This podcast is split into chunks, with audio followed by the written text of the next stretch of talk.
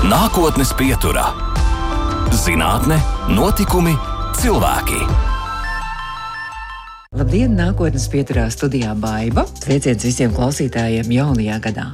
Savā simtajā dzimšanas dienā Latvija saņēma vērienīgu dāvanu - Nacionālās encyklopēdijas digitālo versiju, un tās pirmsākumos elektroniskajā vietnē www.encyklopēdija.lv bija gandrīz 800 šķirkļu, kuru tapšanā tikuši iesaistīti vairāki simti dažādu jomu vadošie speciālisti. Saturu papildināja fotografijas, tabulas, grafiki, kartes, audio un video ieraksti.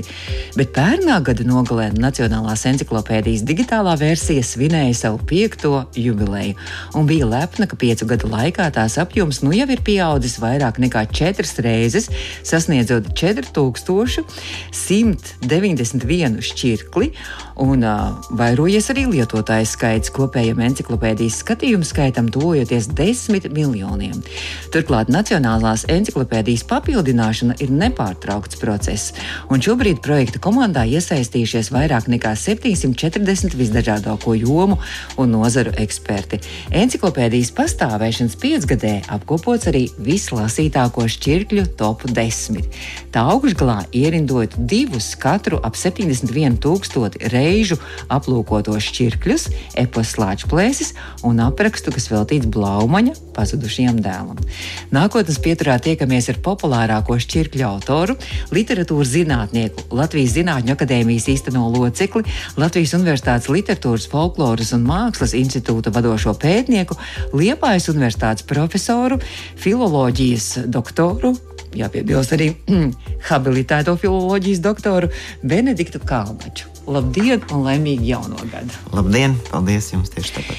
Nu, tad apsveicu arī ar enciklopēdijas piecgadi un apsveicu ar to, ka jūs esat kļuvis par šo lasītāko šķirkļu un aplūkotāko šķirkļu autoru.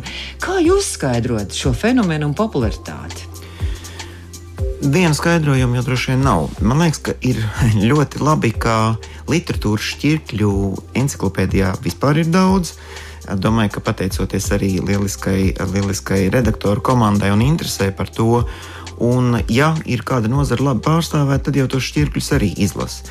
Kāpēc tieši Latvijas to droši vien ir grūti atbildēt, bet es pieņemu, ka šeit jau man liekas, nav runa tik daudz par šķirkļiem, kurus noteikti grib uh, izlasīt, tāpēc, ka tie ir labi šķirkļi, bet par lietām, ko cilvēki meklē. Un nu, pagājušajā gadā bija jubileja Latvijas Jā, un Latvijas jau var atrast arī, nu, domājot, varbūt pat nejauši uzspiest, arī domājot par iespējams nu, lietām, kas mums vispār ir ļoti svarīgas. Tā ir gan, gan, gan Latvijas diena, gan varbūt Latvijas ordenis. Mēs kaut kā saistam arī varbūt nu, savas lielā mērā arī droši vien brīvības cīņas un, un, un neatkarības nostiprināšana ar šo vārdu. Un es domāju, ka tas ir tas, kas uznesis varbūt tieši šo konkrēto šķirkli. Jā, teiks, es arī palūkojos, protams, arī šajā šķirklī, bet tas man bija pārsteigums. Es nezināju, varbūt arī daudzi nezina, ka to, ko jūs rakstījāt, ka Latvijas epos Latvijas tapa par godu trešajiem vispārējiem dziesmu svētkiem. Droši vien, ka autoram Andrijam Pumpuram tas bija, tas bija svarīgi, lai, nu, arī, lai viņš trāpa kādā noteiktā laika brīdī. Tad, kad ir tas tāpat kā mums bija pagājušajā gadā dziesmu svētku saviņojums, mēs arī mūsu literatūras institūtā gatavojām, kolēģi gatavoja grāmatu par, par dziesmu svētku tradīcijas vēsturi. Tā sasaite ir ļoti svarīga, bet cita lieta, ka, protams, kā eposa klātbūtne. Nu, 19. gadsimtā to jau uzskatīja par ļoti nozīmīgu kultūras tādu brieduma faktoru. Un epos bija Somijam, epos pēc tam radās arī faktiski šī parauga Igauniem jau agrāk.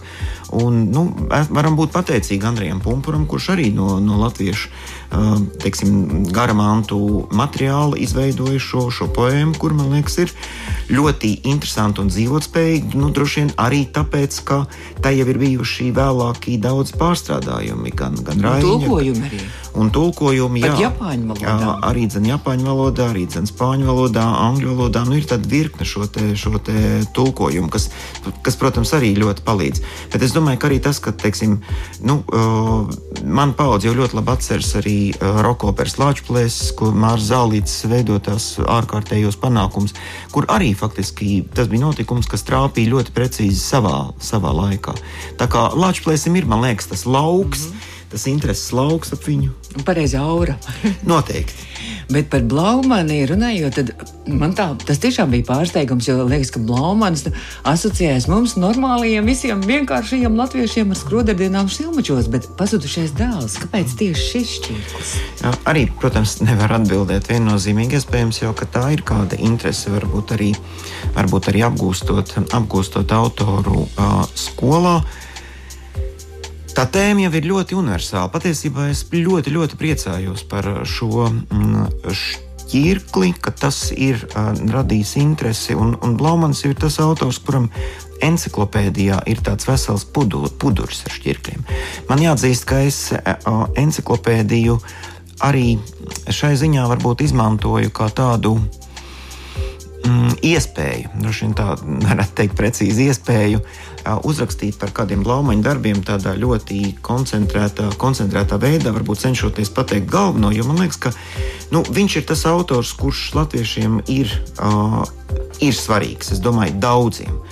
Un kaut kā tā iekšējā sajūta man vienā brīdī bija, ka, jā, ka es esmu arī nonācis pie tā, ka man ir ļoti svarīgi par, par Blaumanu domāt, par Blaumanu arī rakstīt. Un tad jau ir tā, ka rakstot par vienu darbu, arī varbūt cits nākamais darbs arī, arī uh, aiziet, aiziet līdzi un tas veido stāstu par, par rakstnieku. Tādu stāstu jau vajadzētu arī par daudziem citiem.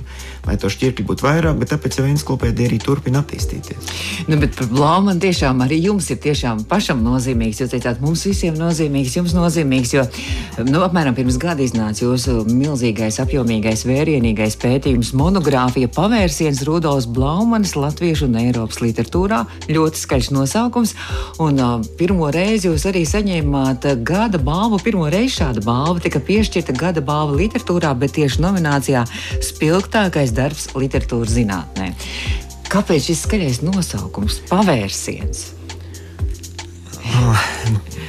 Nu, droši vien, kā jau mēs visi domājot par, par saviem darbiem, cenšamies arī pievērst tam uzmanību. Es pat nezinu, vai tas ir skaļš vārds, jo tagad ir tāda tendence, ka arī pētījumos nu, ar vienu vārdu ievadīt, un tad varbūt dot tālāk kaut ko mazliet aprakstošu. Un es domāju, ka gan Blaumanis, gan viņa paudze, nu, 19. gadsimta beigās, teiksim, tā otrajā pusē, viņi jau veidoja un radīja latviešu moderno kultūru. To kultūru, kuras daļa mēs esam, ja nebūtu, nu, sākot jau no jaunatviešiem, ejot tālāk uz eposu, ejot tālāk jau uz, uz modernās rakstniecības darbiem, tad jau droši vien nebūtu arī iespējams tādā veidā attīstījušās tālāk nacionālās idejas, varbūt arī nebūtu pat, pat Latvijas valsts. Es domāju, ka uh, nu, cilvēku kuri nodarbojās ar, ar dažādām arī mākslas nozarēm, gan ekonomiskām lietām, kas arī bija ļoti, ļoti svarīgi to laiku, gan arī ar mākslas nozarēm, to ieguldījums, es domāju, ir pat neaptverams. Un Blaumanis ir cilvēks, pie kura es domāju, nonāk patiesībā ik viens. Kas, kas interesējas par šī laika, laika kultūru un rakstniecību, jo viņš ir tāda centrāla figūra. Viņš Bet arī Eiropā ir kāda nozīme viņam. Eiropas literatūrā? Es domāju, ka mēs varam ieraudzīt to nozīmī salīdzinot viņu ar citiem Eiropā. Jo, protams, mēs varam teikt, ka Blaumanis nepārkāpa to Latvijas robežu to laiku. Es esmu ļoti priecīgs, ka sadarbībā ar kolēģi Vācijā, Ķelnas Universitāte, Rolfu Filmanu mums arī izdevās sagatavot faktiski visu Blaumaņa paša vācu valodā uzrakstīto vai viņa paša savu darbu tulkoto noveļu izlasi, kas ir 17 darbi. Tolaik jau ārpus, ārpus teiksim, nu, varētu teikt, Krievijas impērijas tā laika robežām izgāja tikai viens, vien, viena Blaumaņa novele. Bet viņš ir salīdzināms pilnīgi. Tā bija mazāk, mazāk, nozīmīga, mazāk nozīmīga novela Vindicēs drīz būs kāzas. Tas arī tāds paradoks, ka nevienmēr tie labākie darbi varbūt tiek, tiek uzreiz pārtulkoti. Un arī, piemēram, viņa lūgas, kaut gan Vācijas Baltiešu prese to laiku ļoti atzinīgi rakstīja, bet nu, līdz teiksim, pat Rīgas vācu teātrim viņas nonāca ar, ar tādu zināmu nobīdi. Bet uh, nodarbojoties ar tā laika citiem kontekstiem, teiksim, ar, ar, ar skandināvu rakstniecību, ar, ar nu, vācu rakstniecību, protams, tur var redzēt, ka ir ļoti, ļoti daudz līdzību. Un man liekas, ka ieraudzīt to, ieraudzīt Blaumanu gan kā mūsu kultūras veidotāju, gan tajā plašākajā perspektīvā, tas bija ļoti interesants process strādājot. Jūs arī savā monogrāfijā, savā pētījumā arī pieskārāties Blaumaņa, Blaumaņa kontaktiem ar mākslas pasauli, ar mākslas cilvēkiem, gleznotājiem, mūziķiem. Nu, tā ir, es domāju, tēma, kas varbūt līdz šim nebija, nebija uh, plašāk aplūkot. Man ļoti liels prieks, ka, ka tā ir atradusi arī atbalsts. Es esmu runājis ar diezgan daudziem saviem kolēģiem no mākslas un un no mūzikas, un viņi arī uh, saka, ka viņi redz šo nepieciešamību patiešām ieraudzīt. Jo Nu, Blaumans jau tas, ko mēs, protams, zinājām, un kas ir daudz pieminēts. Nu, Blaumans rakstīja gan teiksim, prózu, gan viņš rakstīja arī lūgas. Un tās lūgas, protams, tika iestrādātas teātrī. Teātris jau bija arī šī vizuālā māksla, cik nu to laik atļāva, teiksim, skatos iespējas, ja kādas dekorācijas veidot un tā tālāk. Nebija jau viņas ļoti modernas. Bet tā pāreja no vienas, no vienas nozares otrā Uh, ir ļoti interesanti, kā Blaumans sekoja, domāju, gan tai glezniecībai, kas nu, norisinājās Eiropā, gan viņš bija nu, patiešām ciešā kontaktā ar, ar Janiju Rozentālu, ar kādu laiku arī ar Vilnius Purvīnu. Droši vien, ka uh, nu, katrā ziņā tas bija, tas bija, tā, tas bija, bija tādi kontakti, kurus, kurus mēs varam dēvēt par ļoti interesantu viedokļu apmaiņu.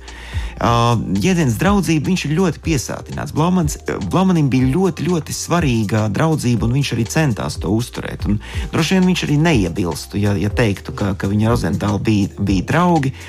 Uh, nu, varbūt kaut gan Blaumans kādā laikā, mēs zinām, dzīvoja arī Rozentāla dzīvoklī Rīgā. Varbūt līdz tādam ļoti sirsnīgām personiskām saitēm tas arī nepārauga. Kaut gan no otras puses Blāmans arī ar, ar Rozentālu ģimenei bija cienīts un, un viņam patīk. Kā starp citu, vienmēr gandrīz viņam patīk ar, ar spēlēties ar bērniem, un tie bērni arī viņu vienmēr gaidīja. Nu, tas tā arī, kā saka, interesanti. Un par mūziku runājot, tad viņš arī, es saprotu, ka piestrādāja pie savu lūgu mūzikas, arī kā pie izvēles. Nu, arī, katrā ziņā viņš par to domāja, kas, kas varētu būt. Un, un, un tas uh, veids, ka viņš jau uh, arī centās, nu, vismaz komēdijām, jau faktiski viņš centās, vai joku lūgām, kā to laik teica, viņš centās arī uzrakstīt tos, tos dziesmu tekstus. Un tad, protams, arī nu, viena no tādām veiksmīgākām sadarbībām bija ar Aleksandru Būmanu, protams, kurš arī rakstīja mūziku skroderdienām un, un Blāmans arī citām lūgām tiešām gribēja, lai, lai Būmans raksta mūziku, bet, piemēram, Ugunī viņam nepatika uh, mūzika, ko Būmans uzrakstīja. Viņš teica, tā ir vairāk prāta mūzika, tā nav sirds mūzika, tāda, kas ir, kas ir nepieciešama manai lugai. Mēs turpināsim pēc brīža arī mūsu sarunu. Un nākotnes pieturas viesis šobrīd ir literatūras zinātnieks, Latvijas Zinātņu akadēmijas īstenais loceklis, Latvijas Universitātes literatūras, folkloras un mākslas institūta vadošais pētnieks, arī Liepājas Universitātes profesors, habilitētais filoloģijas zinātņu doktors Benedikts Kalnačs. Nākotnes pieturā. Mēs turpinām nākotnes pieturu šo rādījumu. varat noklausīties arī pēc tam mūsu mājaslapā, audio saitē un arī podkāstos lielākajās vietnēs. Un šodien nākotnes pieturas viesis gada pirmā rādījuma viesis ir literatūras zinātnieks, Liepājas universitātes profesors, habilitētais filoloģijas zinātņu doktors Benedikts Kalnačs. Un, uh, es teicu, literatūras zinātnieks, bet arī viens no vadošajiem latviešu drāmas pētniekiem. Un nevelti var teikt tā, ka pats pirmais laikam jūsu radošais darbs bija pirmais raksts žurnālā Karoks 1985. gadā, lai teātris būtu svētki. Jā, tas ir interesanti. Un, un šī bija nu, faktiski atsauksme par Grūzīnu teātrā viesizrādēm Rīgā, kur, kur izrādīja nu, vairākas izrādes, bet divas bija patiešām, patiešām izcilas. Režisors Roberts Turo izrādes. Viljams Šekspīra traģēdija, Ričards III un, un Bertolta Brehta kaut kāda krītāplis, starp citu, Luga, kas ir pašlaik arī Dēls teātrā repertuārā.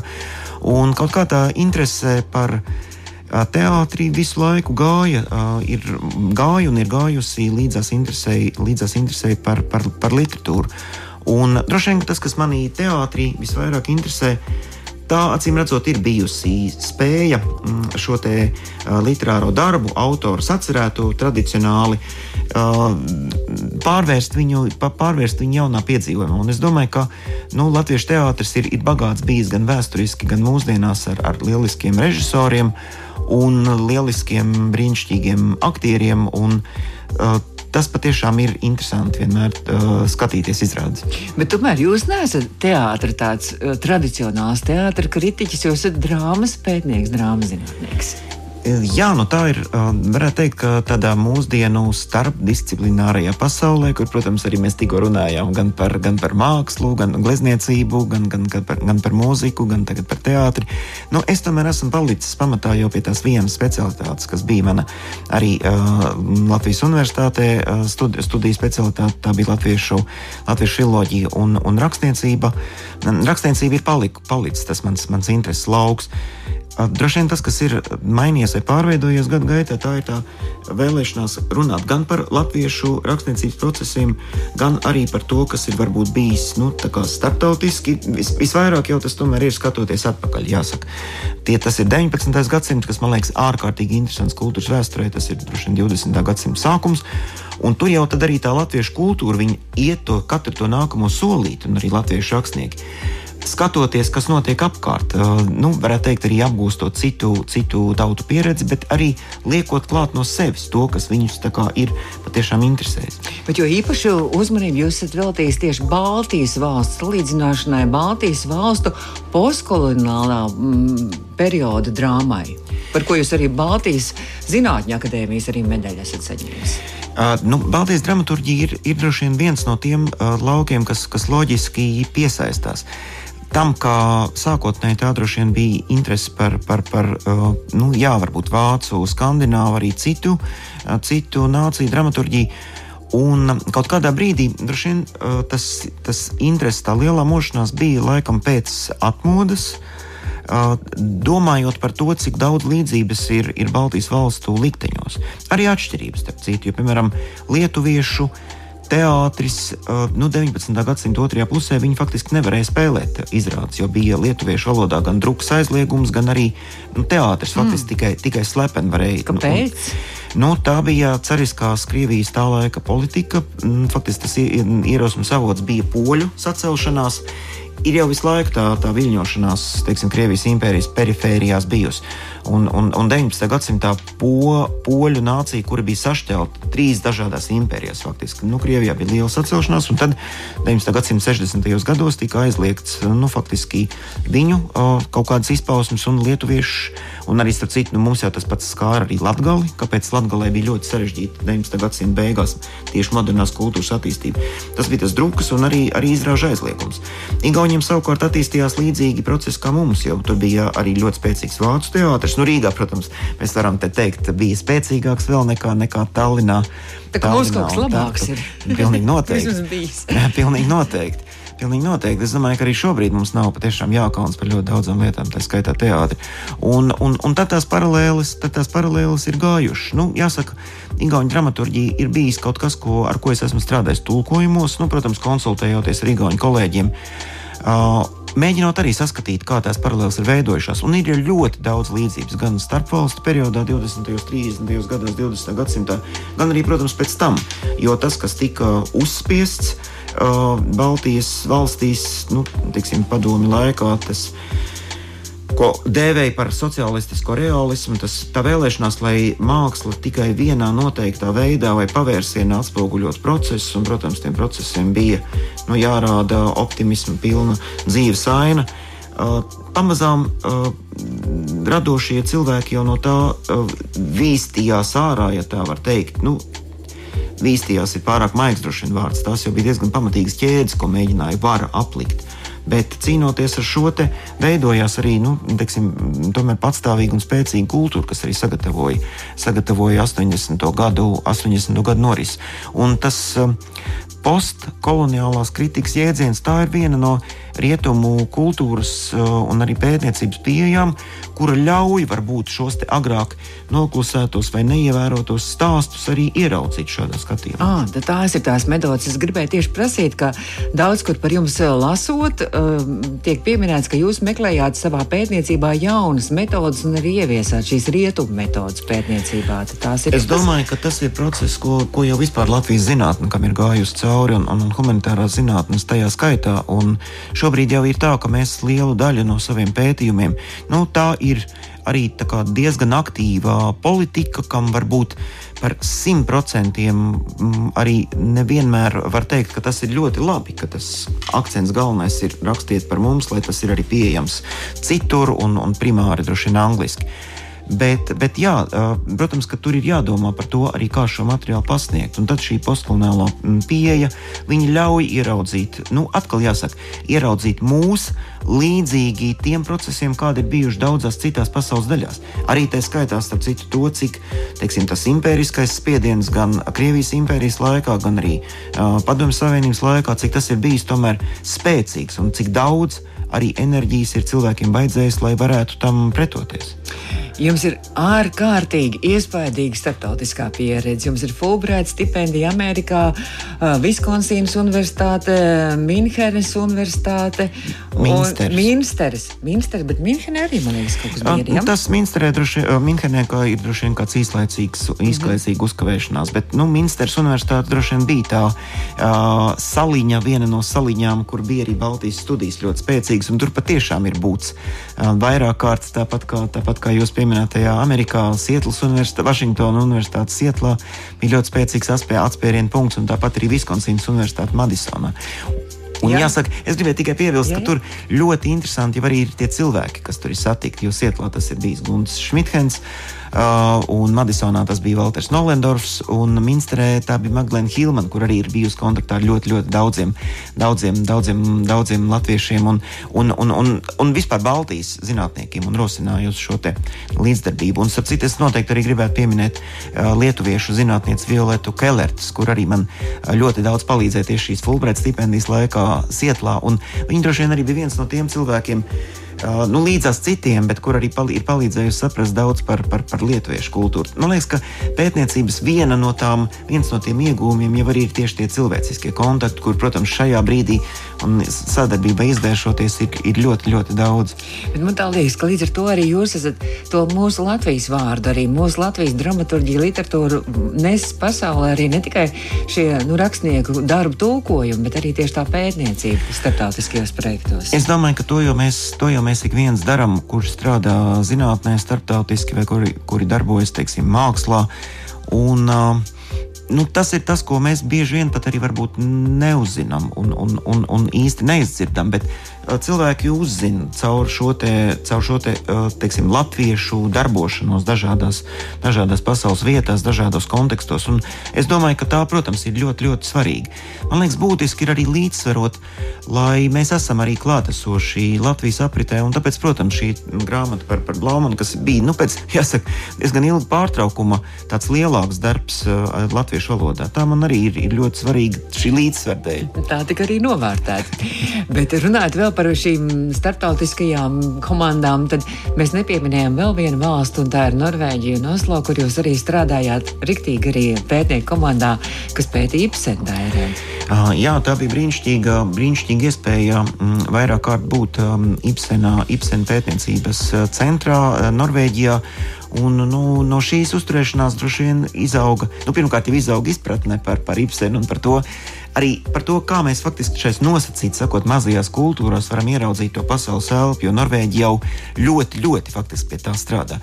Un tāds nu, taustāms starptautisks sadarbības viens no rezultātiem bija patiešām grāmata par mm, Ibsenu Baltijas valstīs un Polijā, kur nu, Norvēģiju viens no mm, Ibsena pētniekiem, Knuts Brinhilsvols, arī inicijēja un arī piedaloties nu, teiksim, šo te gan, gan, gan Lietuvas, gan, gan Igaunijas, gan Polijas zinātniekiem, izdevās, man liekas, tāds ļoti interesants pētījums, kas faktiski iekļaujas arī no tādu īpsenā, īpsenā pētniecības lokā un ļauj arī mūsdienās uzzināt vairāk par to, cik īpsens ir bijis, bijis pie mums populārs. Un jāsaka, Norvēģi pat zināmā mērā brīnās par to. Jo te atkal jāsaka, Jā. no Baltijas valstīm. Oh no Baltijas valstīm tieši Latvija ir tā, kur ir patiešām bijis ļoti, ļoti uh, nu, būtiska šī uh, Henrika Ibsena klātbūtne. Tāpēc es arī priecājos, ka piemēram šajā sezonā, varbūt pēc tādas mazas pauzītes, ir atkal, ir atkal jāatgriežas viena no, no, no Ibsena lugām Heda Gablera Nacionālajā teātrī. Un, protams, protams, es domāju, viens no tādiem svarīgiem notikumiem pēdējo gadu laikā ir Ibsena brāļa iestudējums Dājas teātrī. Kas saņēmis arī balvas spēļu naktī. Saņēmis arī balvas, un, un, un, protams, man ir prieks par šo uzvedumu kopumā. Es gribētu teikt, īpašs prieks ir par, par um, Ievas Segliņas darbu Branda lomā, jo uh, Man liekas, tas ir tāds lielisks piemērs, kā literārā materiāla vērtība ļauj aktierim nākt un būt pašam ar savām domām. Un man liekas, ka nu, šajā te, uh, izrādē mm, tas, kā strādā aktrise, tur nav neviena tukša vai nepiepildīta vārda pateikt šajā nu, ļoti sarežģītajā, arī teiksim, garajā, garajā lomā. Es domāju, tas patiešām ir lielisks sasniegums. Nākotnes pieturā. Mēs turpinām nākotnes pieturu, un nu jau rādījuma laiks strauji tuvojas noslēgumam. Mūsu studijā ir Liepājas Universitātes profesors, habilitētais filoloģijas doktors Benedikts Kānaģis, bijis arī savukārt Latvijas literatūras, folkloras un mākslas institūta direktors, arī zinātniskais direktors, šobrīd vadošais pētnieks. Kā vispār norisinājās jūsu ceļš šajā pētniecībā, literatūras zinātnē, ar ko tas sākās? Nu, sākās, protams, ar studijām Latvijas Universitātē, bet varbūt, ja uzreiz es metu to tiltiņu uz to, kā šis process ir noticis, tad jāsaka, ka tas ir bijis kaut kā ļoti vienkāršs un pašsaprotams. Jo man uh, paveicās, mani uzaicināja jau nu, faktiski pēdējā studiju gadā uh, strādāt.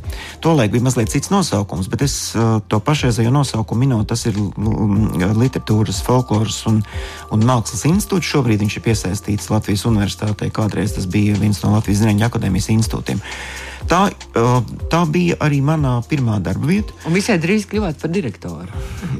nu, tā nosacīta drīz. Kādu laiku jau, jau bija, arī, bija, arī, bija arī jāveic tādi varbūt nu, citi darbi. Es domāju, ka tie bija apmēram, nu, jā, laikam tie bija 11 gadi. Ceļš līdz, līdz, līdz direktoram, pēc tam apmēram tikpat ilgs laiks direktora amatā. Un jāsaka, tagad jau kādu laiku tie administratīvie pienākumi ir gājuši mazumā, tas ir ļoti labi, jo var strādāt vēl brīvāk to, to tajā akadēmiskajā laukā. Tieši. tieši tā, tieši tā. Un, un, jāsaka, man uh, kaut kā paveicās um, ļoti tā ziņā, ka bija atbalsts, visa veida atbalsts institūtē, no pirmās dienas kolēģi atbalsts.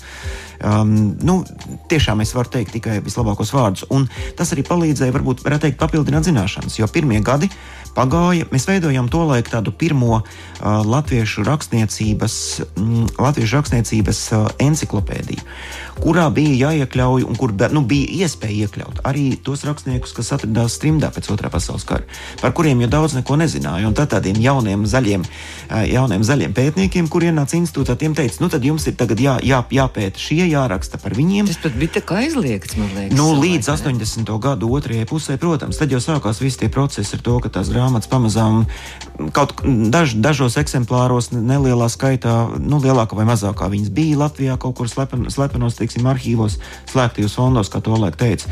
Tad viņas soli pa solim nāca ārā. Man toreiz, starp citu, arī radās pirmoreiz iespēja aizbraukt uz, uz, uz Minsteru un arī vēl pastrādāt toreiz Minsteres, Minsteres Latviešu gimnāzijā, tur bibliotekā. Tā kā tā tā zināšanas tā kā krājās, un, nu, tad, protams, jā, šo trījus loku noslēdzot, atgrie, notika atgriešanās varbūt pie teātra un dramaturgijas. Bet tā trimda bija arī pakāpiens ceļā uz pedagoģisko darbu, faktiski, jo tieši ar lekcijām par trimdas literatūru man uzaicināja uh, Liepājas, tolaik vēl nebija universitāte, bet es teikšu Liepājas universitāte. Uh, jau 90. gadu sākumā, un tur arī būs jau pagājuši teju 30 gadi, darbojoties ar studentiem. Pašlaik, pašlaik jāsaka, pilnīgi, pilnīgi brīnišķīgā rakstniecības studiju programmā. Ne tikai, bet, bet tā droši vien ir vislielāko gandarījumu sniedz. Nu, šie procesi ir gājuši uz priekšu, tāpat kā mums tagad ir par to encyklopēdijām noslēdzot mm. arī, vai nu, paturpinot, mums ir brīnišķīgs resurss literatūra LV institūtā, kur var atrast ļoti daudz un visjaunāko informāciju. Nu, kādreiz jau viņi tikai tap un veidojās, un bija iespēja daudz kam būt klāt. Tad, kad es vaicāju par jūsu ceļu pētniecībā un literatūras zinātnē, es biju domājis, ka jūs sāksiet ar to, ka, ka faktiski jums ir šāda, varētu teikt, tā kā šūpu ielikta pētniecības interese un arī literatūra, jo jūs tētis ir ļoti zināmais, arī karo kādreiz galvenais redaktors un zināmais dzēnieks, publicists Sandrs Vējāns. Nu, protams, ka bez ģimenes jau mēs neviens neizaugam un, un, un, un nenonākam tur, kur mēs esam. Es domāju, ka, ka, ka maniem vecākiem un tā vidē, kāda tā bija, ir, ir, ir, ir, ļoti, ir ļoti liela loma. Un, nu, mēs runājām ar jums vēl pirms ieraksta, ka tēvs arī pēdējos gados viņš pievērsās arī Latgales pētniecībai, literatūras pētniecībai. Jā, Mhm. arī Latgales pētniecības institūtā. Jo, protams, ka viņš bija, nu, protams, ka viņš bija dzēnieks un, un, un, un redaktors, kur es domāju, ka viņš, cik es varu spriest, es domāju, ka viņš ļoti godprātīgi centās darīt to, lai, lai latviešu rakstniecība iespējami plaši arī tiek pārstāvēta uh, uh, žurnāla karoks lapusēs. Protams, ka Latvija viņam bija sirdslieta, un Latvija arī tolaik nebija tā tēma, kuru ļoti uh, ļāva popularizēt. Nu, tas arī bija, uh, un arī ne visus rakstniekus. Bija arī rakstnieki trimdā, un faktiski tā bija viņa sirdslieta, varbūt aizejot jau, jau pensijā, jau teiksim, nu, arī 90. gados viņš patiešām pievērsās ļoti cītīgi šī latgales mantojuma apguvēja. Un, uh, nu, droši vien, ka viņš to darīja ar savu dzinieku skatu, bet tam ir arī ļoti, man liekas, tāda uh, vērīga un redzīga acs daudzos, daudzos gadījumos klāt. Mūsu redzējums strauji tuvojas noslēgumam, bet jaunais gads ir tikko sācies. Tad gribu noslēgumā vaicāt arī jums, kādi, nu, kādi šī gada plāni, kā varbūt jau ir iezīmēts, kāds ar konferencēm. Pagājušā gada rudenī jūs bijāt starptautiskajās daudzās konferencēs. Kāds šis gads izskatās jums? Pagājušais gads un iepriekšējie bija, jāsaka, ļoti blīvi ar, ar dažādiem arī, arī, arī pasākumiem. Bet uh, es no tā, kas gaida šogad un varbūt arī nākamajos gados, es izcelšu vienu uh, aspektu. Es esmu pateicīgs šobrīd valsts kultūra kapitāla fondam par atbalstu uh, jaunrades stipendiju konkursā. Un es esmu nu pat kā saņēmis arī stipendiju, kas man sagādā iespēju 2024. darbā turpināt Rudolfa Blaumaņa pētniecību. Oh. Jo man liekas, ka par viņu ir joprojām tik daudz kā nepateikt. Un, protams, ka Blaumaņa skatījums uz Blaumanu vai skats uz Blaumanu jau vienmēr ietver arī viņa laika biedrus, visu to dzīvi, kāda tā veidojās šajā gadsimta mijā. Un šajā gadījumā tas būs vairāk skatījums uz priekšu, kā Blaumanis uh, turpināja attīstīties 20. gadsimta pirmajā desmitgadē, kas diemžēl viņa mūžā bija uh, pēdējā, bet arī, protams, viņš ir ietekmējis daudzus no vēlākā laika autoriem. Ar to būs ļoti interesanti nodarboties. Tad es vēlu jums veiksmu un daudz radošu arī prieka šajā gadā. Benedikts Kalnačs, filoloģijas doktors mūsu studijā, Liepais universitātes profesors, arī Latvijas universitātes literatūras folkloras un mākslas institūta vadošais pētnieks. Un uh, man jāpiebilst arī bijušais futbolists. tā, tas tiešām tā ir. Par to futbolu jūs sākāt, sākāt arī savu sportista karjeru, kur ātri laikam noslēdzās. Un, un... Ziniet, ar, man, ar mani futbola karjeru bija tā, ka kādā brīdī bija jāizšķiras par to, vai, vai, vai, vai to turpināt nopietni, vai arī dzem ir. Nu, Tas ceļš aiziet vairāk pētniecībā, kaut gan es tādā amatieru līmenī turpināju diezgan ilgi. Bet es varu lepoties ar to, nu, Man ir uh, prieks par to, ka, ka 20. vecumā, 1985. gadā, es biju arī, arī, arī Latvijas, Latvijas čempions futbolā. Oh. Bet redzat, um, kāpēc arī varbūt uh, pēdējā izvēlētā dziesma šim raidījumam?